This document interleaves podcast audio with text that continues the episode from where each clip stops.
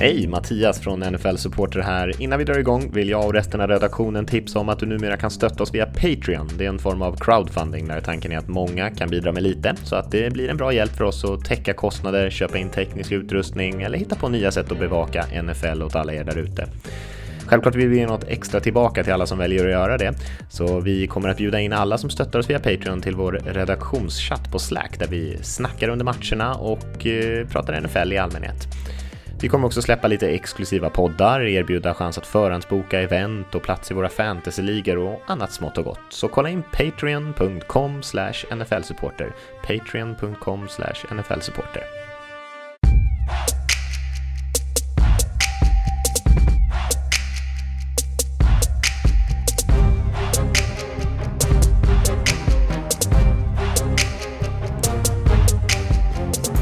Hej och välkomna till ännu ett avsnitt av veckans NFL med Mattias Olsson, Lasse Torman och Rickard Olsson. Så här i juletider, vi sitter och spelar in på juldagen. Hur har eh, julen varit än så länge Lasse?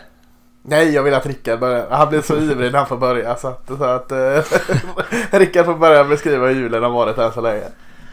Ja, jag har ju skrivit ner ett manus till den här gången bara för säkerhets skull. Julen har gått bra. Familjen var här. Det var trevligt.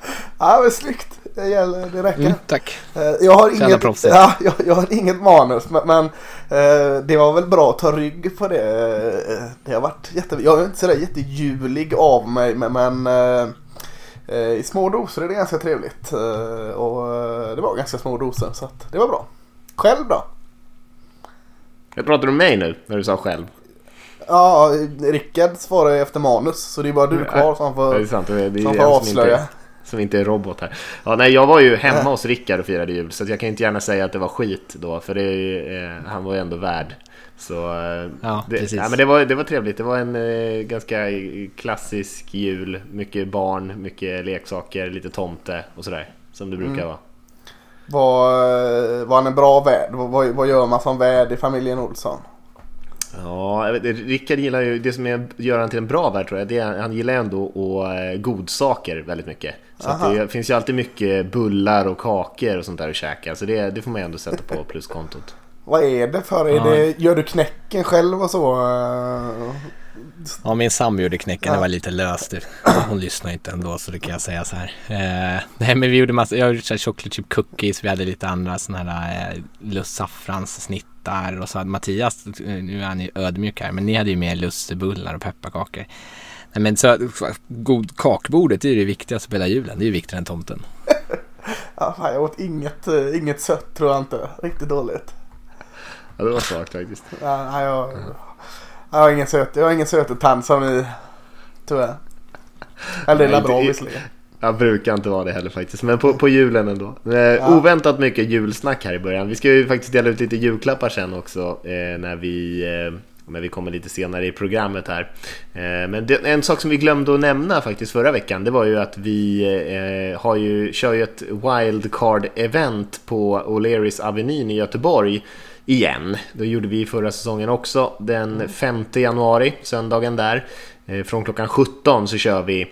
Eh, så blir det både amerikansk buffé, det blir ju två wildcard-matcher då såklart. Massa NFL-fans som hänger och, och har roligt tillsammans. Och ska bli lite cornhole, lite quiz. Eh, vi var ju där, i alla fall jag och Ricka var ju där förra året och det var ju riktigt riktigt jäkla kul tycker jag att se så mycket folk på plats och vi hoppas såklart att det blir lika fett i år. Eh, och vill man gå så kan man ju antingen så ringa direkt till O'Learys Avenyn och boka plats eller så mejlar man till avenyn at så, så fixar man sig en sittplats där.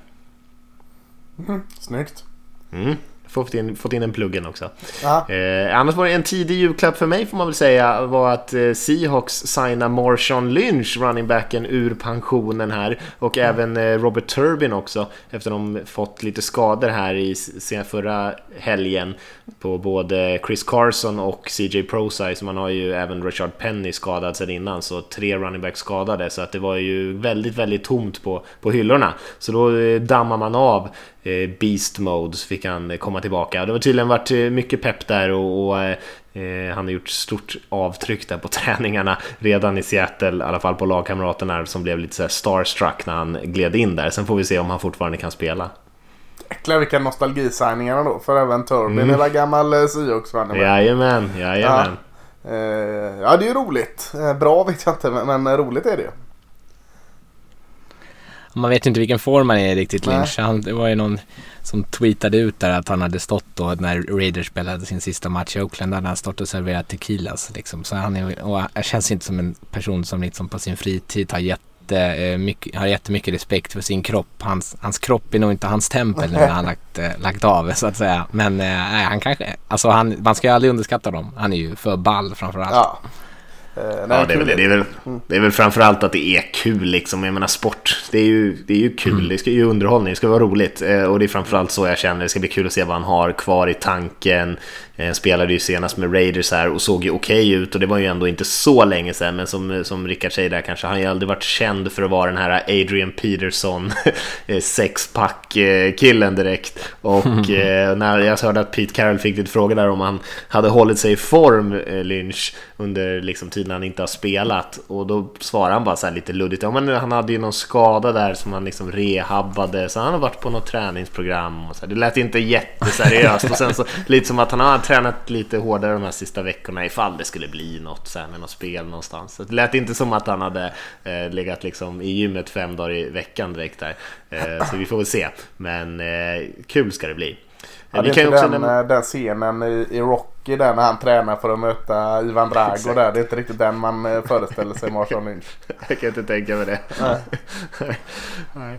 Uh, en annan ganska rolig nyhet om man pratar skador också är att uh, Texans uh, defensive end JJ Watt Eh, blev ju satt på den här designated to return-listan. Det finns ju så mycket listor i NFL där man kan eh, placera olika spelare och nu kom han tillbaka till laget här i veckan och siktar på att vara redo för spel faktiskt i första slutspelsomgången för Houston Texans så de behöver ju verkligen pass rush hjälp men det är fortfarande rätt mycket frågetecken kring om han kommer komma tillbaka helt.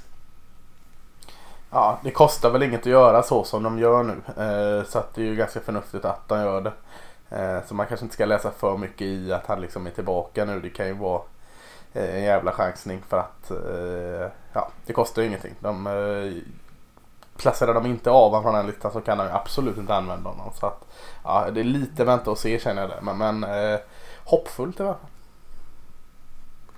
Ja, det är kanske liksom någon sorts typ av spelare som kan Även om man bara kommer in i någon begränsad roll, typ om, ja, om lite djupare in i slutspelet om de eventuellt tar sig dit så kanske han bara kan göra det för att liksom, det sätter en liten gnista mm. i resten av truppen. Precis. Uh, nej, nej, men det är ju kul. Mm. Eh, Carolina Panthers har börjat intervjua lite nya huvudtränare. Gjorde ju sig av med Riverboat Ron här nyligen och de har redan haft inne Mike McCarthy, gamla Packers-coachen och sen så ska de intervjua sin interim, interim-HC här, Perry Fuel, innan de kommer igång på riktigt. Eh, jag vet inte om det finns så mycket att säga om det, men det är kanske inte helt oväntat att någon skulle försöka damma av McCarthy här som uppenbarligen har varit väldigt sugen på att komma tillbaka till NFL och hitta en ny coachjobb. Känns tråkigt val alltså McCarthy. Men, men äh, tråkigt behöver inte automatiskt betyda dåligt. Men, men äh, ja, det är lite som, vad hette han, eh, Philby var det, kom också från Packers till Dolphins mm. Äh, jag får lite de vibbarna, det är inte samma typ men, men äh, lite såhär tråkvibbar. Ja, nej jag vet inte. Jag tycker mest att det är intressant att de om det här säger någonting om deras riktning, att de, mm. att de intervjuar en offensiv tränare, att, det, att de kanske vill vända lite på det efter att de har haft Rivera där som är mest framförallt fokus på försvaret, att eh, kanske om de vill eh, förändra lite sin, sin image eller om det innebär på något sätt att de vill plocka upp en ung QB som de ska kunna eh, fixa till. Ja, det var det senare där som jag började bli lite, för eh, det ryktas ju om att de inte kommer behålla Cam Newton, eller i alla fall att det är väldigt osäkert om de kommer göra det. Och eh, McCarthy har ju ändå varit lite känd som en eh, QB guru i alla fall och coacha upp unga QBs gjorde ju ett väldigt mycket jobb med, med Rogers när han kom ut från college till exempel. Så att uh, jag var, blev lite åt det hållet. Men uh, det är väldigt tidigt, de kommer säkert intervjua säkert tio kandidater och de kommer mm. säkert att ha helt olika profiler många av dem. Mm. Eh, kan nämna också att eh, Ravens har varit tydliga med att de inte kommer starta många av sina stjärnor i den här sista matchen mot Steelers, vilket eh, kommer ha en del påverkan på slutspelsracet. RG3 kommer starta istället för Lamar Jackson, men även Mark Ingram, running backen, Earl Thomas, safety, Marshall Yanda, deras väldigt duktiga guard, Brandon Williams tror jag också på defensiva linjen kommer att vila. vad tänker ni kring det? Ja, det är väl klokt, eller? Ja, eh, det är hela den där diskussionen som alltid kommer upp vad man tjänar eller inte tjänar på att vila spelare. Jag tror ju att har man möjligheten att vila eh, ett gäng spelare en vecka så tror jag det är mycket eh, att man ska göra det där med att eh, man kommer ur rytm och allt sånt. Det kanske finns någon milleprocent att man kommer ur rytmen. Ja, har man den lyxen att kunna eh, vila spelare så tycker jag absolut man ska göra det. Är man så beroende utav rytm också då kanske man inte Nej. är det bästa Precis. laget. Nej, eh, jag tror också på det här med vila. Alltså man till bara kolla på lag som spelar efter bye week och såna här grejer. Det brukar ju vara väldigt positivt. Särskilt långt in på säsongen när det är många som har små skador och såna här grejer. Det är nog jäkligt skönt för de här, eh, särskilt veteranerna, att få, för Jan där till exempel, att ta en, en vecka veckas vila. Det är inte, han kommer ju absolut inte prestera på en lägre nivå på grund av det. Eller kan jag inte tänka mig i alla fall. Han har gjort det där i tio år. Eh, Alla har ju små skador också. Alltså liksom det här ja. med att eh, det är ett par som har det. Alltså, har du spelat igenom en hel säsong i NFL så har du små skador. Liksom. Det, är, det är inget snack om det. Och kan du eh, slicka de såren en vecka extra så kan det ju göra jäkligt gott. Verkligen verkligen. Men vad säger vi om, eh, det är ju lite trist när det blir så här sista veckan, eh, att slutspels, man vill ju att slutspelsracet ska hålla sig vid liv till sista veckan, men det är ju också den här risken, för att nu är det ju faktiskt en avgörande match här. Vinner Steelers så har de ju i stort sett slutspelsplatsen i sin hand, medan andra lag som till exempel Raiders sitter sitter och eller det är väl bara Raiders i och för sig som är beroende av att Steelers ska förlora den här matchen för att de ska ha en chans till exempel. Mm. Att Tennessee har ju det i sin hand. Uh, mm. uh, Steelers räcker ju inte bara att vinna. De får ju Just hoppas det, de måste ju torska. Mm. Ja, så att uh, Titans har det i sin hand där. Men, men ja, uh, Rickard och andra Raiders-entusiaster hade säkerligen hoppats på Lamar misstänker jag. ja, Eh, såklart. Ja, det, alltså på sätt och vis så är det väl lite synd, Mattias, där att det är tråkigt att lagen eh, när de vilar sina spelare och jag är beroende utav, eller jag, men mitt lag är beroende utav att, eh, att något lag vinner mot något annat och så vilar det laget som jag vill ska vinna alla sina starters eller liksom puntar hela matchen. Att det kan kännas lite tråkigt men vi, vi skrattade här lite inför att då kanske man man kanske inte ska sätta liksom sina slutspelschanser till att andra lag ska förlora sista veckan på säsongen. Då får man fan skylla sig själv. Det gäller ju liksom att säkra den platsen tidigare. Mm. Så är det. Eh... Ska vi gå igenom det här tänkbara slutspelsscenariot nu när vi ändå var inne och nuddade på det eller? Hmm. Ska vi göra det eller ska vi göra det när vi kommer till matcherna sen? Det kanske är enklare i samband med matcherna. Ja, okay då. För vi har ju vi har täckt det mesta där i och för sig. Men, eh, men vi kommer tillbaka till det. Det, mm. det är lika bra att mm. påminna om det lite senare tänker jag. För jag tänker ändå vi ska göra en liten snabb recap om den veckan som var här. I alla fall kanske på lite rubriknivå. Eh, om vecka 16. Vad, eh, vem vill börja med någonting som man såg eller eh, la märke till?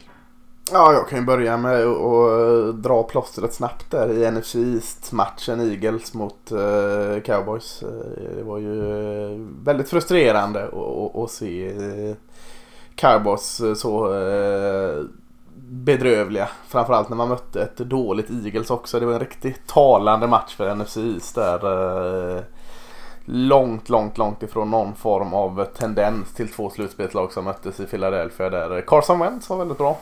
Ska jag lägga till. Eh, eh, han har ju varit väldigt bra i slutet och jag tror väl att det var liksom eh, det avgörande att Dak Prescott var väl av. Dallas offensiva playcalling var tveksamt. Och uh, Eagles gjorde, de har ju sjukt mycket receivers skadade och eh, uh, skadeproblem över hela brädet. Men, men de gjorde väl det bästa vad de kunde av lite och, och det räckte där. Så att uh, Eagles vann rättvist men, men med det sagt så var ju inte Eagles bra utan eh, det var två dåliga lag där Eagles var minst dåliga ska man väl säga. Men, men eh, nu har de eh, chansen här men med NFC så är, är ju ingenting klart. Vin, förlorar de i helgen och Cowboys vinner i helgen så är det Cowboys som vidare så att eh, den jäkla divisionen kommer leva in till sista sparken känns det som. Mm. Verkligen. Det är intressant. Man är ändå förvånad över att Cowboys inte lyckas sätta upp lite mer poäng i den här matchen och kanske framförallt, det är kanske över hela säsongen egentligen. För får man kolla på alla den här liksom eh, all statistik och alla listor någonstans så hittar man ändå cowboys anfall som ja, ja, ett, åtminstone liksom. topp tre och kanske till och med nummer ett ja. i, i, i, många mått. Eh, och, och ändå känns det som att de inte riktigt levererar på den nivån, vilket är konstigt för hur kan man eh, liksom hamna där uppe om man inte gör det? Eh, jag vet inte, vad, vad säger du där Lasse? Varför, varför lyckas man inte liksom i den här jag viktiga tycker, matchen? Jag tycker det är jättekonstigt. Jag har inte satt mig och liksom analyserat att de är, var nummer ett. Då. Eh, ett ett, en anledning såklart är att de har tagit mycket poäng i sina vinster mot kanske sämre lag. Eh, försvaret har inte varit jättedåligt alla matcher heller. Man kan tänka liksom att de förlorar med 45-40 varje match. Då är man ju, har man ju starkt offensiv. Men så har det inte heller sett ut alltid. Ibland har försvaret faktiskt räddat eh, offensiven också. Så att, eh, de har väl det är ju ingen ursäkt på något sätt men de har förlorat ganska mycket tajta matcher rätt igenom säsongen. Och poängerna har varit ganska hög då. Eh, och så har de tagit Eh, de har varit starka hemma. De har tagit mycket starka på, eh, alltså mycket poäng eh, hemma i Dallas när de har tagit sina vinster. Så det är väl det de, jag tycker inte liksom offensiven har inte sett sådär bra ut heller. Så, så ja, jag har väldigt svårt liksom att liksom backa upp siffrorna där. Mm. Mm. Rickard, vill du lägga till någonting? Någon, eh, eller någon annan match? Du får välja. Nej, jag, jag, kan ta en annan match. Eh, jag kollade lite på Patriots mot Bills där, mm. eh, lördagsmatchen. Patriots är väl eh, fortfarande storebror i AFC East. Mm. Men annars överlag en ganska kul, en kul match att se på. En ganska jämn match. Det känns som att det var en bra erfarenhet för Bills nu inför slutspelet. Matchen i sig hade ju kanske inte egentligen så jättestor betydelse för något av lagen. För Bills vi pratade ju förra veckan, då hade jag ju fel där förstås. Eh, om att Bill skulle ta över divisionstiteln om de vann. Det, eller, ja, det skulle de inte göra för då hade de behövt att Patriots skulle förlora den här veckan mot Dolphins och det lär de ju inte göra. Eh, men eh, matchen levde liksom ända till sista minuten. Bills står liksom åtta yards ifrån eh, en touchdown med sju poängs underläge eh, och har möjligheten att eh, gå upp på oavgjort 24-24 men misslyckas. Ehm, Pats försvar räddar dem. Ehm, men ändå, jag tycker ändå att det är kul att se att de kan vara med i den här typen av tajta matcher i ganska tuffa eh, förhållanden, Bills. Och de är nog inte tillräckligt starka i år för att kunna gå hela vägen men Daniel i redaktionen som är Bills-supporter han brukar alltid tjata om att de eh, har ju mycket draftval, de har väldigt, väldigt, väldigt mycket utrymme på sitt lönetak eh, nästa säsong. Så kan de vinna någon match, kanske få lite erfarenhet, så kan de komma tillbaks nästa år eh, ännu bättre än vad de är i år. Mm. Vad, vad det kändes väl som en sån match precis som alla förutsåg. Det var inte bara vi som förutsåg det. Att det var två starka försvar som möttes där. Var det den eh, mm. känslan när man såg matchen? Här? Ja, eh, sen tyckte jag att eh, Patriots började röra, flytta bollen lite bättre kanske än vad de har gjort eh, stundtals. De kunde få lite längre serier. De fick igång eh, Edelman hade en del mottagningar, inte jättemycket, men en del mottagningar i så viktiga tillfällen så som han alltid lyckas göra för att förlänga serier och så. Eh, Bills snarare, de hade ju samma problem som vi har tjatat om att de, de kan inte regissera längre eh, serier utan de tar poäng på enstaka stora spel liksom som flyttar bollen jättemycket. Mm. Och, till slut så mot ett lag som Patriots så vill man inte ha sitt försvar på plan så pass mycket. Eh, det, det blir nedslitande. Mm.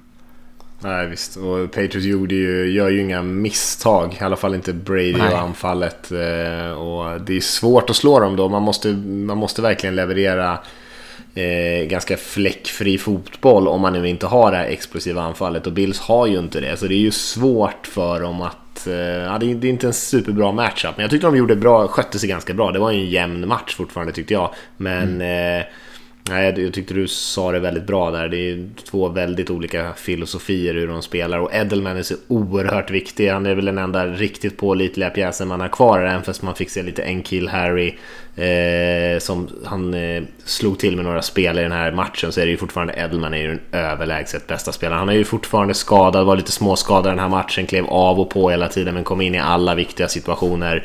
Eh, och som kommentatorerna gärna brukar påpeka att liksom, har han en mot en så vinner han 100% av gångerna. Och det vet ju Brady. Eh, och det blir ju liksom en conversion nästan varje gång. Och eh, ett sånt vapen eh, är ju såklart väldigt bra att ha när man har en så smart QB som Brady. Men eh, om han inte blir frisk till slutspelet och, och blir bättre eller kanske till och med missar någon match, då, då är det nog väldigt tufft för honom tror jag. För det hänger väldigt mycket på honom. Mm. mm. Vad hände mellan Arizona och Seattle, Mattias? Ja du, en riktigt bra fråga. Seahawks blev ju helt dominerade egentligen ja. av, av Cardinals skulle jag säga. Och då var det ju till och med så att eh, Kyler Murray klev av. Eh, någonstans i tredje kvarten med en, med en skada och eh, Brett Hundley kom in. Eh, även han ledde en touchdown drive mot Seahawks, men hade Murray varit inne så hade det varit ännu mindre jämnt än vad det redan var. Eh, Arizona var bättre på båda sidorna av bollen egentligen. Seahawks har ju haft väldigt mycket skador och det påverkar ju såklart kanske lite grann i den här matchen. Man fick ju båda sina running back skadade bland annat eh, och spela med sin tredje running back och sen så saknar man ju ett gäng offensiva linjespelare, lite pass rushers och lite corners, lite allt möjligt så. Men eh, man borde ju ändå ha gjort en betydligt bättre prestation än vad man gjorde här. Det var tydlig vinst för, för Arizona. Kul tycker jag för Kingsbury-gänget, inte så kul för Seahawks i den här matchen, men eh, de verkar ändå ha någonting positivt på gång där. Det var ju många som inte eller var väldigt skeptiska, skeptiska till Kingsbury innan han kom till NFL. Eh, men jag tycker han har gjort en väldigt bra första säsong med Arizona.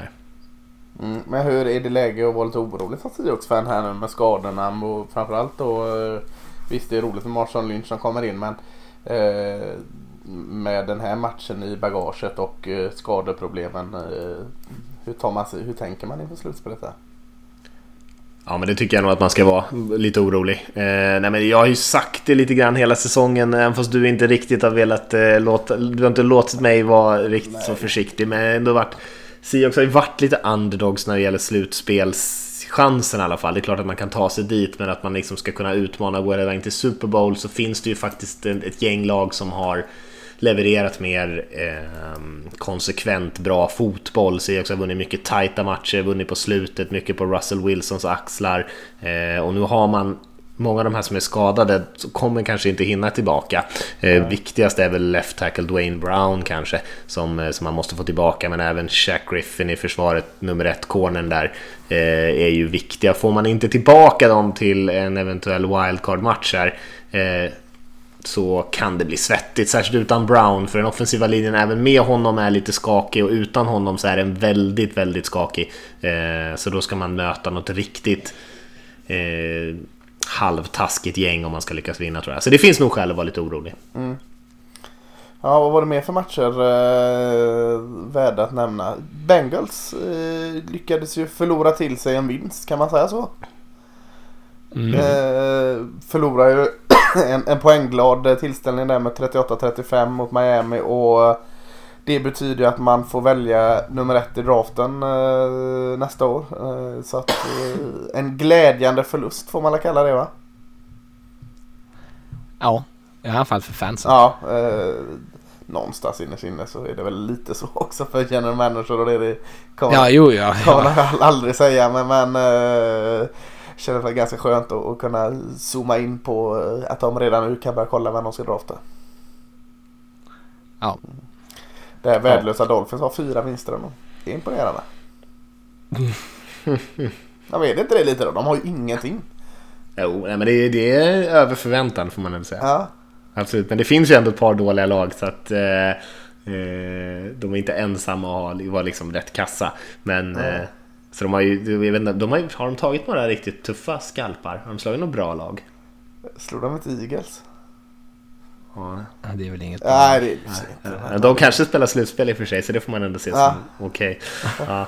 Nej, eh, jag kollade också på James Winston där eh, när Tampa Bay oh. mötte eh, Houston Texans. Eh, bara precis som han har varit hela den här säsongen. Jag höll ju på att skämta lite grann där om att han jagade det här rekordet om att vinna både touchdown-ligan och interception-ligan. Och skulle behövt några fler touchdowns men han hade ju gott om interceptions i alla fall och, och Texans kunde säkra sin slutspelsplats. Ja, luta sig tillbaka och låta James kasta interception var ju ett vinnande koncept. Lite konstigt. Vad hade han? Fyra stycken blev det va? Ja, pick six på första kastet. Och sen så eh, kom han väl in direkt och så kastade han en interception till på serien efter. Och sen så bara fortsatte det så. Ja, fasiken. Ja, underhållande. Ja, ja visst, visst är det det. Eh, ska vi lämna recapen där eller har vi något mer resultat som vi känner att vi ska nämna? Nej, vad skulle det vara? Var det någon som var påverkade direkt? Saints eh, hämtade upp ganska snyggt där. Eh, väldigt rejält för eh, de mötte ju Titans i, i Nashville där och, och Tennessee tog ledningen. De lade med typ 14-0 eller något eh, ganska tidigt. Och sen var mm. det ju Saints för hela pengen där. Men, men eh, ja, de satte lite käppar i eller de satte käppar i hjulen för eh, Tennessee Titans där. Eh, fortsätter imponera. De känns ju livsfarliga in i slutspel. Om man är lite feg på sio också så känns ju Saints komma in med sån där skjuts som de gjorde även förra året. Mm. Ja, visst. 49ers vann ju en tight match mot Rams och var ganska bra. kan man ju nämna i alla fall. Eh, mm. På slutsekunderna så de kickade in den. Eh, och sen vet jag inte om det är någonting mer. Ja, Packers vann ju rätt övertygande mot ja, Vikings där på Sunday Night Football. Mycket svagt Vikings-anfall som trots att Packers hade ett gäng turnovers. Jag vet inte var det slutade någonstans men det, det, jag såg första Eh, i sin helhet och sen bara andra i highlightsen. Men det var ett gäng eh, turnovers från, från Packers som Vikings inte lyckades utnyttja ordentligt. Ja, det var en tydlig springspelsvinst där, men det trodde man inte liksom att eh, Packers skulle vara de som sprang här matchen och, och, och kanske eh, stå upp försvarsmässigt. Men, men eh, kändes lite ombytta roller där, men, men eh, värdig vinnare. Mm. Och Falcons vann igen. Oj, ja. oj, oj. Tänk om de hade börjat lite bättre. Det hade varit Super Bowl nu. Ja, tänk om. Mm. Tänk om man fick använda tänk om. Ska vi Danny Dimes också i New York oh, kastade väl fem touchdowns. Det måste man ändå göra honom. Mm. Ja. Det var en bra match där mellan rookie-kubisarna för Haskins hade väl också en bra match innan han klev av med skada. Ja, han var bra mm. sista. Så kul för, för Danny Dimes i Giants. Mm. Eh, ska vi dela ut lite julklappar tycker ni? Ska vi det verkligen? Det tycker jag. Mm. Med lite rim såklart. Mm, mm. Som sig bör. Här i juletider. Eh, jag inte, Rickard kanske ska börja för Lasse verkar lite skeptisk. ja, jag kan börja. Ja. Eh, då, då, då, går det så här då. Att spela QB är inte alltid en enkel cookie. Trots dominant linje och springspel med årets rookie. Kritikerna skriker inte mer i höga stämmor. Men han passar varken ett ettor eller tvåor, snarare femmor. För att få dem att återigen bli car believers. Här får Vegas Raiders två star receivers. De fick till och med två stycken utav mig i julklapp. Ja, det, det var väldigt generöst. Det var väldigt generöst. Du mixar lite språk där också, det var kreativt. Jäkligt... ja, det är ju svårt, det är ju bara massa engelska termer i den här sporten. Åh, oh, tacksamt att följa upp den alltså. Matte, du får följa upp den. Men nu kommer det bli en ännu bättre såklart. Ah, fan, ja, men då kan jag falla, falla jag på Skulle ha hört julen där borta hos Rickard. Det var liksom, det bara Alltså ni satt och slipade på det redan på julafton. Jag gjorde det en kvart innan vi gick eh, på sändningen. Ja, kör, kör det, gjorde, det gjorde i och för sig jag också. Ah. Jag menade på mina fina klappar. Eh, jag, jag, har också en om Raiders faktiskt. Ah. Mm. Så jag kan ta när vi ändå är igång här. Ska vi se om jag kan läsa den här utan att tappa bort mig. Där har vi den. Eh, alltid passionerat, ofta oförtjänt, lite galet. Skräckinjagande stöd, ibland taget för givet. Det sista stora sveket tog ni med stil när Davis Jr flyttar laget drygt 100 mil. I tomtens säck fin finns något som kan hjälpa en del. En svart och silverfärgad biljett till årets slutspel. Oj, oj. Ja, det hade ju varit trevligt faktiskt. Satan, vilka rim ni har alltså. ja, det var snyggt. Ja, då får jag ta en då. Eh, Palm, Palmer och Dalton blir inte som man trodde. Kanske på tränaren detta berodde. Sämst i ligan kan Bengals nu drömma att på en QB från trakten lönekistan tömma. Scouter ute i land och rike, bara det nu inte fortsätter att gräva dike. Så det, eh, ja, eh, kan de få hemmasonen här i draften. Vem är hemmasonen? Det måste du säga. Joe Burrow! Eh, quarterback i LSU. Eh, jag tänker att alla vet det. Eh, han är från Ohio. Jag tänkte att Chase eh, Young är väl, spelar väl i Ohio State? Ja, men... Det är ändå i närheten. Ja, men Joe Burrow är från Ohio vet du. Han blir ju ratad av Ohio State. Kommer han ta revansch i Bengals? Ja, men den var bra. Ja, tack. ja, det var väl jättefint. Jag hade också en på Bengals. Mm. Så tar jag en annan bara. Ja. Mm. Eh, och, och, det här är ju lite av en prediction kanske då. Eh, Snöpta på divisionstiteln ett år där hela truppen var sliten. Lite mer djup behövs på Eagles roster men för tillfället får ni ett stort paket plåster. Eh, och det är för att de har haft så miljontals skador. Och så tänker jag mig att de kommer att torska nu här när de har allt i egna händer nästa vecka. Och så kommer cowboys ramla in i slutspelet i alla fall. ja, den var väldigt bra. Men då kan jag fortsätta med cowboys här då. Eh, talanger som få kan man ändå inte de tuffa lagen klå. Jerry lär bli kvar, styra den som en sovjetisk tsar. Men när klappmannen får foten kanske cowboys kan fortsätta att fylla segerkvoten. Så. Det var ju jättesnygg och så fick du in också klapp. Jajamän, liksom ja, det försökte mm. min bästa Göteborgssjäl fick jag gräva i där. Men eh, ja, en sparkad tränare kan också vara en julklapp. Mm. Ja det tycker du också eller? Ja, ja, ja absolut. Mm. Jag kan läsa en här som jag har eh, som är till Browns, en julklapp. eh, upp som en sol, ner som en pannkaka. Från ny och cool till sexig som en lårkaka. Årets säsong är över, 2020 blir säkert fränare. Här är en klapp ni behöver, en ny och bättre tränare. ja, mm. rimmar kaka på kaka där. Ja, det blev lite, det blev lite nödrim där. det blev kaka på kaka helt enkelt. Det blev kaka på kaka. ja, det blev ett presentkort där till Browns. Jag vet inte vilken tränare de ska ha. Men det är Kaka på klappanen. ja.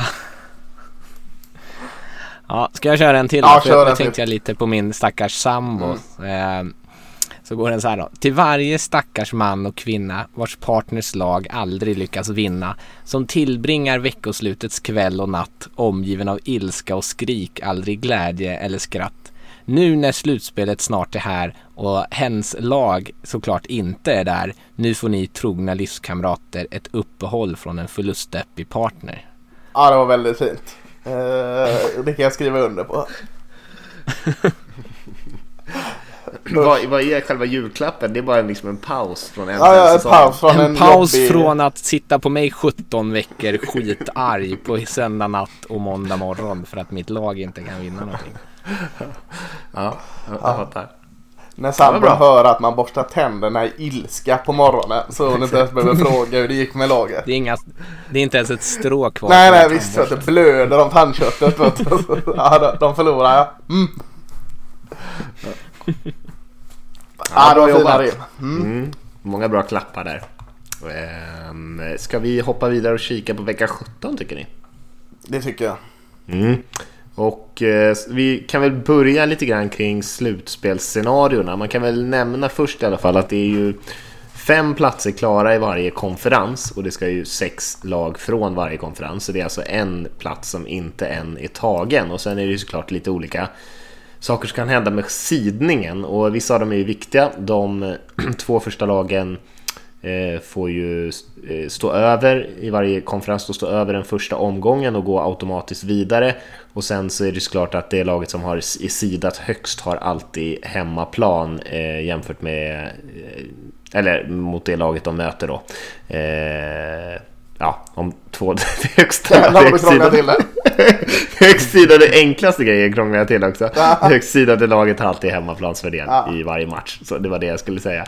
Eh, så man kan i AFC då så är det ju Ravens, Texans, Chiefs, Patriots och Bills som redan har säkrat en plats. Och sen så är det Eh, Titans, Steelers och Raiders som eh, slåss om den sista. Och det är väl ungefär i den ordningen också i trolighet att de kommer ta den. Eller vad säger ni? Ja, jag tycker det är jättesvårt, alltså eh, i trolighet. Jag sätter nog eh, Oakland som minst trolig att ta den, men, men det är lite singla slanter mellan Pittsburgh och, och, och, och Tennessee. Ja, Titans är ju, om man ska säga, om någon ska sitta i förarsätet så är det väl Titans. Mm. De, de, eller om de vinner så är de liksom klara. Då tar de den sista slutspelsplatsen mm. och de möter Texans som eh, eventuellt, de spelar ju den sena matchen och klockan 19 spelar Chiefs. Eh, och den är relevant eftersom att Texans, det enda de skulle kunna spela för är att sidas högre än Chiefs. Eh, men om de, de märker att Chiefs vinner sin match då har de inte längre någonting att spela för. Och även om eh, Bill O'Brien har sagt att han ska starta alla sina starters så kommer han kanske inte göra det i alla fall. Eller de lär åtminstone vara lite mer konservativa. Mm. Eh, och då kanske Titans får det lite slappare. Förlorar Chiefs däremot då har ju Texas allt att spela för och då kanske det blir tight. Mm. Och då om Titans torskar, då ligger allting i Steelers händer. För då kan de gå vidare om de vinner istället. Och de möter då som sagt Ravens som Mattias redan pratade om. De spelar väl typ valfria materialare och något fan som de hittar från tailgaten mm. när de vilar alla sina stjärnor. Eh, sen har de kanske ändå en chans mot Steelers sopiga anfall. Och sist då som Lasse du var inne på, Raiders är det ju den sista eventuella jokern och då måste Steelers och Titans förlora och Raiders måste vinna mot eh, Broncos. Då är alla på 8-8. Men Colts måste också vinna mot Jaguars i en match där inget lag egentligen har vidare vinstintresse. Och sen så är det ju något utav, nu ska vi se hela den långa listan också. det behövs ytterligare någon. Något utav Chicago, Detroit, Chargers eller Patriots måste också vinna sin match för att Raiders ska gå vidare. Så det är ganska mycket som ska falla. Det är fem matcher som måste liksom eh, gå rätt väg. Mm, exakt. Men det är ju inte helt... Men det händer. Jag ska inte säga sådär. Det är ju inte helt otänkbart några av de där grejerna ändå. Men sen händer ju väldigt sällan alla saker precis som man vill. Men, men att Pittsburgh ska torska mot Ravens kan ändå mycket väl hända. Att Titans torska mot Texans kan ju mycket väl hända. Indianapolis borde ju vinna över Jaguars. Eh, och sen är det ju upp till Raiders att vinna sin egen match såklart. Eh, och sen så bör ju liksom Patriots vinna över Dolphins till exempel för att få den där sista eh, strength of victory tiebreakern. Men, eh, ja, men vi kan nämna det där för jag tänker vi kommer in på matcherna. Så vi hoppar in på bara slutspelsscenario i NFC så kan vi kolla på spelschemat sen. Mm. Eh, och där har vi också fem platser klara. Det är ju Packers, Saints, Vikings, 49ers och Seahawks som är klara. Och då är det väl egentligen bara Cowboys och Eagles som slåss om den sista platsen. Mm. Och Eagles har alltid sina egna händer som vi nämnde tidigare där. De möter ju Giants, ett 4-11 Giants som de har goda chanser att vinna får man ändå säga. Eh, även fast Eagles har lyckats torska mot alla möjliga lag i år. Eh, så vinner de den så går de vidare. Och eh, det är så pass enkelt att om eh, de torskar och Dallas vinner så går Dallas vidare istället. Mm. Och torskar eh, båda så går ju Eagles vidare såklart. Just det, exakt. Så det är slutspelsscenarierna och då kanske vi ska ta och kika lite grann på spelschemat. Och vi kan väl ta matcherna i ordning och så kan vi bara säga direkt att det inte är intressant om det är så, så glömmer vi inte bort någonting. Och eh, vi har Browns hos Bengals, den är ointressant. Sen har vi Dolphins hos Patriots, ointressant. Sen har vi Bears hos Vikings, också ointressant för slutspelsscenariot. Sen har vi Chargers hos Chiefs, också ointressant. Jets hos Bills, helt irrelevant. Packers hos Lions, också ingenting att spela för. Saints hos Panthers, inget att spela för. Falcons hos Buccaneers, viktig för Mattias. Cred i NFL-världen att Falcons tar den här matchen. Och sen har vi 22-25 där vi har ett gäng matcher. För nu har de ju flyttat alla slutspelsmatcher, eller alla som har eh, inverkan på slutspelsbilden. Eh, nästan alla i alla fall till den här 22-25 slotten. Så vi har en, två, tre, fyra, fem, sex, sju matcher där. Eh, om jag inte räknade fel. Varför ligger Cardinals Rams där? Oklart. Västkustmatch ja. kanske bara ligger... Ja. Får ja, ligga kvar och skräpa där bara. Ja, exakt. Ja. Så det är den första matchen som jag ser där framför mig är ju Eagles hos Giants. Eh, kanske den, en av de mest intressanta, kanske den mest intressanta eh, den här veckan eftersom den är så direkt avgörande. Ja. Ska vi börja prata om den eller? Det tycker jag. Ja. Jag ser det, för mig är det ungefär 50-50 nästan. Eh, klart Philadelphia kom in eh, betydligt mer motiverade än vad, vad Giants gör. Måste de göra. Hoppas de gör det. De var ju, kändes mer motiverade än Cowboys förra veckan. Eh, men med det sagt, Giants som vi sa, Daniel Jones där, inte dum sist. Giants har ändå vunnit eh, ett par sådana här matcher och Eagle har framförallt förlorat ett par sådana här matcher så att eh, Ja, eh, Eagles favorit såklart. Men det är i, i New York-området. Eh, för Giants är det kanske lite pest eller kolera vilka som går till slutspel. Eagles eller Cowboys gillar inte något av lagen. Men jag ser inte det som en självklarhet att Philadelphia åker bara dit och vinner.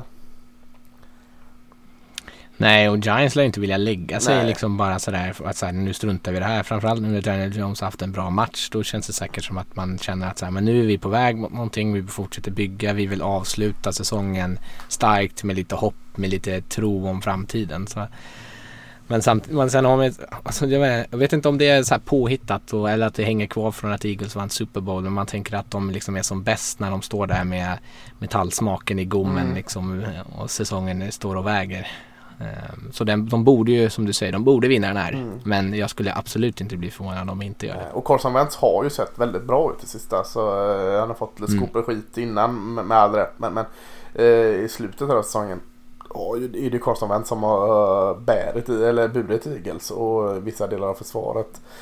Kanske. De har också ganska stora hål i det försvaret. Men det är svårt också. Sen vet man att sådana här Saquon Barkley eh, är cirka 90 yard från 1000 eh, yards per säsong. Sånt betyder väl saker antar jag. Daniel mm. Jones vill, vill, väl bygga vidare då på att avsluta snyggt. Eh, liksom sådana här små dolda grejer som faktiskt betyder mycket. Jag tror han har väl bonus på att springa över 1000 yard eh, misstänker jag Barkley och, och kötta gärna på lite extra säkert då. Mm. Nej, jag håller med dig Lasse om att de kan nog inte åka dit och ställa in skorna. Så, så bra är inte, är inte Eagles. Eh, och det kommer hänga mycket på Carson Wentz anfallet den här matchen också tror jag. För att jag tror definitivt att Daniel Jones och Saquon Barkley och gänget skulle kunna ha en bra match offensivt mot det här Eagles-försvaret och göra lite poäng och göra det lite svettigt för dem. Eh, men sen är ju, jag menar Giants tillät 35 poäng mot Redskins förra veckan. Eh, det ska ju inte vara några problem för Philadelphia att eh, svara. Om det nu skulle vara så att eh, New York-anfallet kommer igång här lite grann. Men sådana matcher när det blir lite fram och tillbaka, ganska mycket poäng, kanske en och annan turnover, de kan ju vara ganska oberäkneliga. Mm. Så att eh, Eagles vill ju inte hamna i en sån match, utan vill ju gärna säkert ta kontroll över den här matchen tidigt. Men eh, jag tror att de vinner såklart. Eh, det är väl inte någon, något oväntat eller vågat tips så. Och jag tror att de kanske till och med gör det relativt bekvämt, men kommer man dit med fel inställning då kan det vara väldigt farligt. Det håller jag 100% med om. jag tror, alltså Eagles och de är väldigt lika i år, Eagles och Cowboys, på att vara dåliga på samma eh, typ av sätt. Eh, Eagles har haft förbaskat svårt att vara bra i en hel match, alltså fyra kvartar, precis som Cowboys. Och skulle det börja gå illa relativt snabbt, du pratar om turnover så här, sa du, skulle det 14-0, skulle det börja så dåligt då, då är det jobbigt för Eagles. Alltså eh, att vända en sån. Eh, liksom, hänger de med, är det en 7 poängs skillnad, 10 poängs skillnad så är det men liksom en snabb, du vet så här kalldusch i början. Då kan det liksom gå helt åt helsike. Men, men kan de bara kontrollera eh, i varje fall starten av matchen så tror jag nog att de vinner. Men eh, får de motsatt effekt på starten så ja, då tror jag det blir tufft. Mm, mm. Eh, nästa match där är ju också väldigt intressant. Det är ju Titans hos Texans. Den har vi redan pratat om. Titans har slutspelsracet i AFC i sin egen hand. Eh, de möter divisionsrivalen Texans som inte har något att spela för. Eh, och troligtvis kommer ta det ganska piano här, alternativt till och med vila några av sina spelare. Vi får se, trots att de inte, eller de var väldigt tydliga med att de inte hade tänkt göra det. Men vi är väl lite skeptiska till om Bill O'Brien verkligen talar sanning där. Men den matchen blir i alla fall intressant. Jag tror att just eftersom det är inom divisionen så kanske man är lite kinkigare med att bara lägga sig för det här Titans-laget. Ja, Titans är inte dåliga. De dansade ju ändå med Saints förra veckan. Nu förlorade de visserligen med 10 poäng så det är inte så dödtajt kanske. Men det kändes ändå som att de var med eh, i matchen. Förutom att ja, det var ju en period där de släppte eh, massa poäng som de inte kunde liksom svara på. Men det är ju, det här, Titans är inte ett dåligt lag. Jag tycker att eh, jag höll ju dem som favoriter över Texans senast de möttes. Eh, och det var ju, vart ju, blev ju en jämn match. Så går Texans in lite halvt avslappnade, då, då tror jag Titans tar hem den här. Eh, ja, det är så oerhört svårt med, med just Titans tycker jag. Jag har nog sagt det innan att de, de, de känns alltid sämst när, de, när det gäller liksom. Eh, mm. När ingen förväntar sig att Titans ska vinna. Mitten av säsongen så hade vi nästan räknat bort Tennessee Titans. Eh, de hade ingen press, ingen brydde sig så mycket om Titans. Då bara radade de upp vinster efter vinst. Och den matchen jag var över och såg när de mm, smått mirakulöst slog Chiefs där. Eh, då började det hända grejer och så byggde de upp något och så ska de bara knyta upp den här säcken. Då har de, de har två raka förluster här nu mot, visserligen mot Saints och Houston som är två bra lag men ja, det känns lite som att och så tycker jag det har varit med Titans sen de från Houston Oilers till Tennessee Titans. Så tycker jag att alltså, man räknar aldrig med att Titans ska vara... Du hör ju aldrig någon sån här Super Bowl prediction. Ja, Titans det är ett dark horse och sånt liksom. Man räknar på något sätt att de ska försvinna längs vägen. Så att eh, jag köper, jag håller med dig helt i vad du säger Rickard. Jag, Titans är ett bra lag och jag ser absolut att de kan slå Houston här. Men jag har den här känslan att ah, Titans försvinner någonstans längs vägen. Och, och det här är längs vägen. Jag tror de försvinner där mot Houston längs vägen. Tyvärr, jag, jag gillar ju Titans. Mm. Nej, det är ju verkligen. Titans är ju, har ju varit ett sånt där lag som har verkligen varit upp och ner. Och precis när man börjar tro på dem så börjar de spela dåligt. Och precis mm. när, de liksom, när alla gett upp på dem så börjar de spela bra. Eh, så har de varit så i känns på flera år och, mm. och liksom legat här och hovrat runt 8-8, 9, 7, 10, 6 snåret. Eh, till, till, och från, eh, till, till och med ibland. Eh, och i år är de ju precis på det där att sniffa på en wildcard-plats. Men även fast de tar sig dit tror jag alla så väntas väntar sig att de kommer åka ut direkt. Mm. De har ju varit det laget. Eh, så jag förstår helt vad du menar med att de, att de skulle kunna klanta till det här. Kul ändå med den här på nytt under Ryan Tannehill som verkligen har mm. satt eld på sin karriär oavsett vad som händer med honom. Jag är övertygad om att de behåller honom på något sätt eh, efter vad han har levererat där. Absolut. men nej, jag, jag, tror Titans tar den här matchen relativt jag tror, att, jag, tror ändå, jag tror inte att Texans går in för att vinna den här matchen. Jag skulle bli förvånad, särskilt när man har haft så mycket skadeproblem och eh, sin QB som har en ganska lite så farlig stil som lätt kan ta en del skador. Eh, så tror jag ändå att man börjar vila spelare så fort de liksom antingen hamnar i 7-10 poängs underläge eller de känner att de själva har lite, liksom, lite marginal. Eh, för det finns ingen anledning att hålla på och brunka loss med det här Titans-gänget som ändå är eh, rätt så köttiga när de vill. Fast det finns ju anledning om, som Rickard var inne på här, om, om Chiefs lyckas gå och förlora mot eh, LA Chargers här. Eh, kommer inte hända. Nej, det, men, men om liksom. Alltså om, eh, om LA Chargers vinner mot Chiefs. Då kommer det vara ett helt annat Houston. Då kan de spela för hemmafördel här liksom. Då, eh, då händer det grejer. Mm. Ja det skulle men, vara då men det tror ja, inte jag en sekund nej, på att nej, det kommer hända. men, men det finns ju, du kan ju få, det finns en möjlighet att se ett annat Houston Texas. Det var det jag ville stryka under. Ja, och kanske kommer de ut och är asmotiverade mm. eller liksom känner att de eh, tar ledningen ganska fort och, och liksom känner att de kan spela av matchen rätt safe. Men eh, ja, jag skulle inte bli förvånad vilket som. Men jag tror, min, min känsla är ändå att Titans vinner. Mm, mm. Eh, Redskins Cowboys eh, i Dallas, inte så jättespännande match kanske. För Cowboys är det ju måste vinna den här matchen ifall Eagles klantar sig mot Giants. Eh, Redskins har ju eh, har ju en del saker som, har, som är lite spännande inför framtiden. Kanske sin unga receiver framförallt där, eh, rookie receiver och lite andra grejer. Men jag tror att Haskins är borta eh, och eh, sin QB alltså. Och eh, man har inte någonting att spela för. Så visst bör ändå Cowboys köra över Redskins här. Ja, det är, eh, det är relativt övertygad om att de gör. Köra över vet jag inte om det finns riktigt i Cowboys vokabulär just nu. Men, men eh, en betryggande vinst eh, Visst känns det så. Jag, har svårt att... De är visserligen 4-3 hemma men sista tiden har de sett bra ut hemma. Så att eh, nej, den... Eh, att Cowboys gör sitt jobb känner jag mig relativt trygg med. Det enda som jag kan tänka mig här däremot är att de det ryktas ju redan om att Jason Garrett, huvudtränaren i Cowboys, är på väg bort därifrån. Men mm. om det finns några som helst tvivel i Jerry Jones huvud och de torskar hemma här mot Redskins, då tror jag inte det spelar någon roll hur det går i den här Eagles-matchen. Utan då tror jag att han ryker med huvudet först om, han om de torskar den här matchen. Ja, torskar eh, han så är han ju ute från slutspelet oavsett. Så att... ah, ja, ja, absolut. Men jag tror att då, då, har då bestämmer han sig, om han inte redan har bestämt sig, att kicka Garrett. För ja, absolut. Jag tror, jag tror inte han tolererar det. Det finns ingen framtid för honom om det inte blir slutspel. Ja, ska vi hoppa vidare till nästa match? Rickard, jag mm. väntade på att du skulle komma in med något smart där. Jag vet inte, sparka Jason Garrett. Nej, jag, jag håller med. Jag, jag, kan inte tänka mig att de ska tappa den matchen. Det vore ju förskräckligt. Mm. De är ju, man, Vegas har dem som 11 poängs favoriter till och med. Så att de har en ganska, ses som ett ganska stort favoritskap till och med utifrån. Så det är klart de ska vinna den. Mm. Eh, Steelers hos Ravens, eh, som sagt också en ganska viktig match, lite beroende på vad som händer i den där Titans-matchen. Om Texans vinner så har ju Steelers chansen om de tar eh, Ravens backups här. Jag vet inte vad man ska säga om det. De Steelers är ju precis det där laget som vi hade tänkt och som höll på att bänka och skicka in Kubis till höger och vänster här senast. Anfallet är ju eh, ingenting att ha. Men däremot så är försvaret riktigt, riktigt bra och det gör ju att man slår en del Eh, dåliga lag framför allt och kan till och med utmana ett par av dem som är halvbra till bra i alla fall. Men eh, alltså, om man tar sig till slutspel så tror jag att man har svårt att göra någon, någon vidare avtryck där. Eh, och det krävs ju också att man får lite hjälp här av Texans om man ska lyckas ta sig dit. Mm, nu blir det väl han, vad heter han, Delvin Hodges va? För att jag tyckte jag läste någonstans att Mason Rudolph mm. placerades på uh, in reserve. Uh, ja. och, han skadade ju axeln ja, i mitten av förra Ja, matchen. precis. Och Mason Rudolph kanske inte har varit en mästare på quarterback-positionen. Men, men jämför med De Devlin Hodges så har det sett betydligt bättre ut med Rudolph.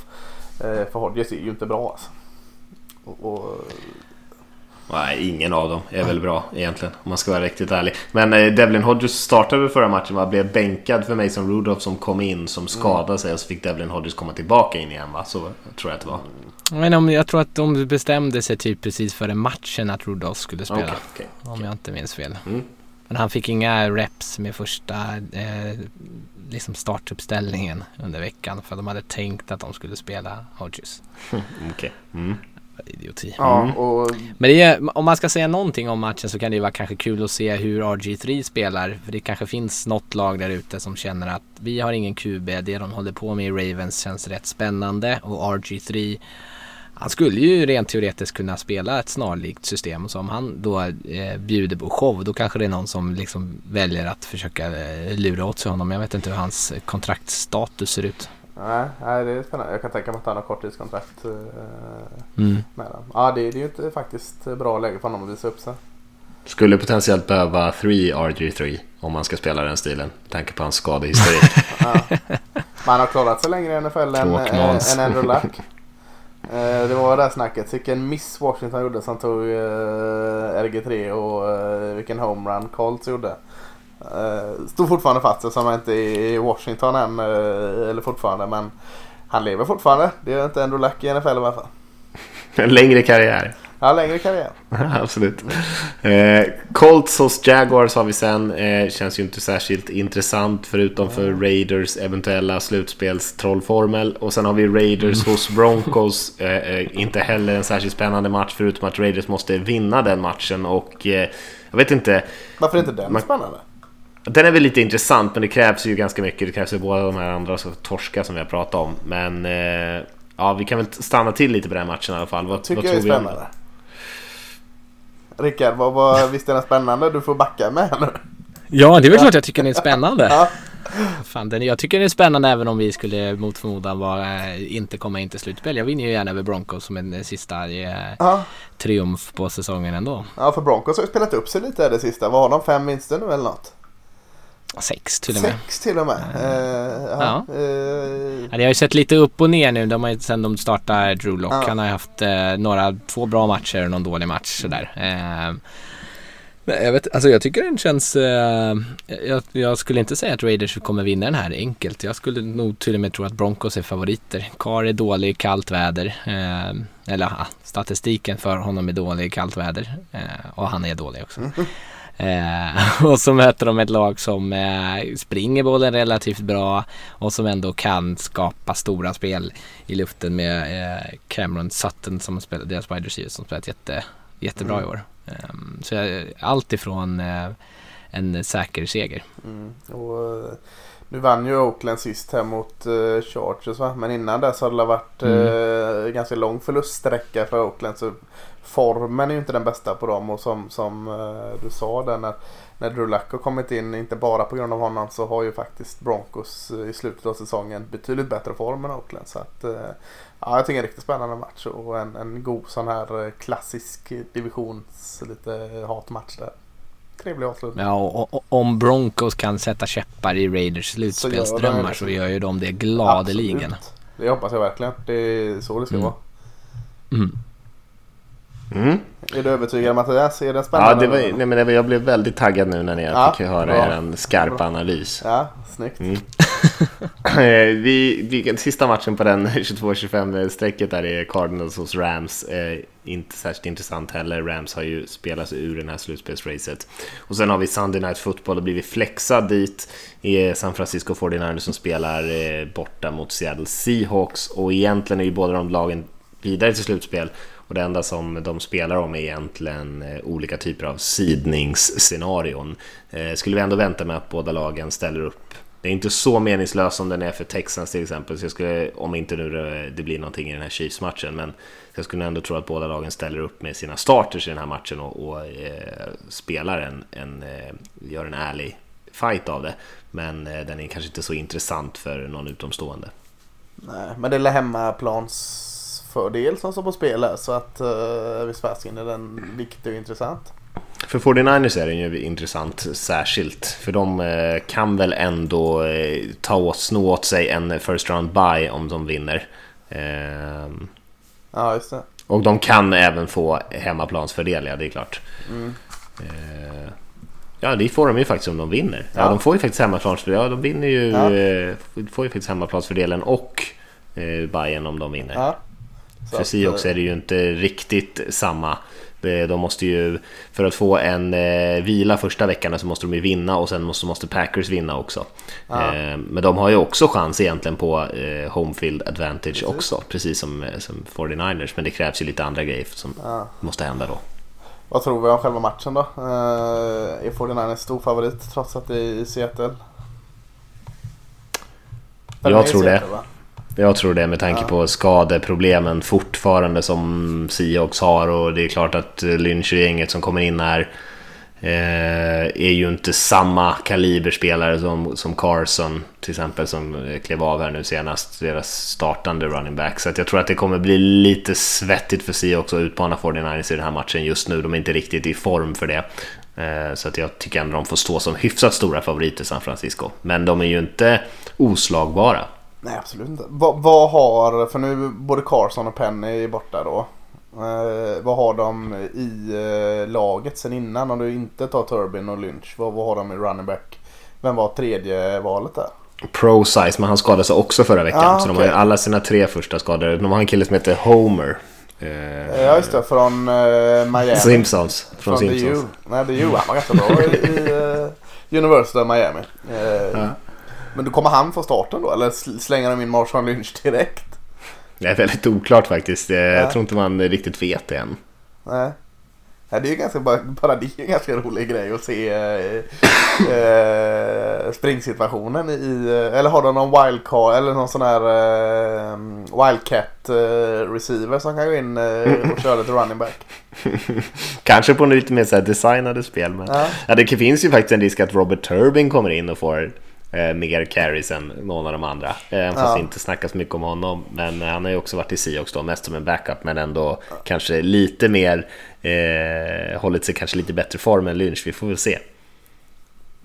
Mm, spännande i alla Men fall. det kommer ju hänga mycket på att Russell Wilson kan kasta hem den här matchen. Och om man med all säkerhet saknar man ju Dwayne Brown som har opererat knät, bland annat sin left tackle då, och lite andra spelare. Så det kommer ju bli lite svettigt med passblockering mot eh, Bosa och, och resten av den här 49ers defensiva linjen. Eh, så försöka att inte få Russell Wilson mördad är kanske eh, det första målet med den här matchen. Mm, känns som ett bra mål. Ungefär så. Ja, Får jag avsluta med en liten, en liten eh, trivia-fråga? Ja, okej nu blir jag osäker men ja, gör det. Ja, nu, nu får ni ju skämma ut er Ja. som ni inte kan här. Mm. Eh, I en av de här helt eh, ointressanta matcherna då när Falcons möter Buccaneers så eh, har James Winston touchdown och interception-maskinen. Han har ändå kastat för 4908 yards och han kan bli den sjunde i historien att kasta för över 5000 yards på en säsong. Mm. Och då blir ju såklart frågan vilka är de andra sex? Eh, Drew Brees är ju en.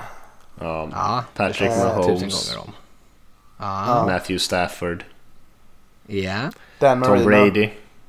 Dan Marino, Tom Brady och... Har vi en kvar då? Nej, fan vi har två kvar. Jag måste räkna fel. Ah, sorry. Uh, Peyton Manning, hans 2016 års säsong.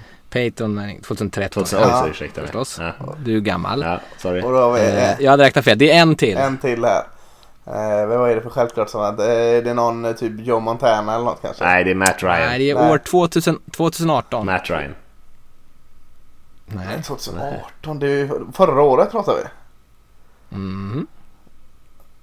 Vilka var... Det Vilka, Nu känner man sig verkligen senil här. ja, verkligen. Eh, det var inte Andrew Luck förra året? Nej. Nej, han var väl skadad och. Nej. Eh, och vi sa. Patrick Mahomes där eller?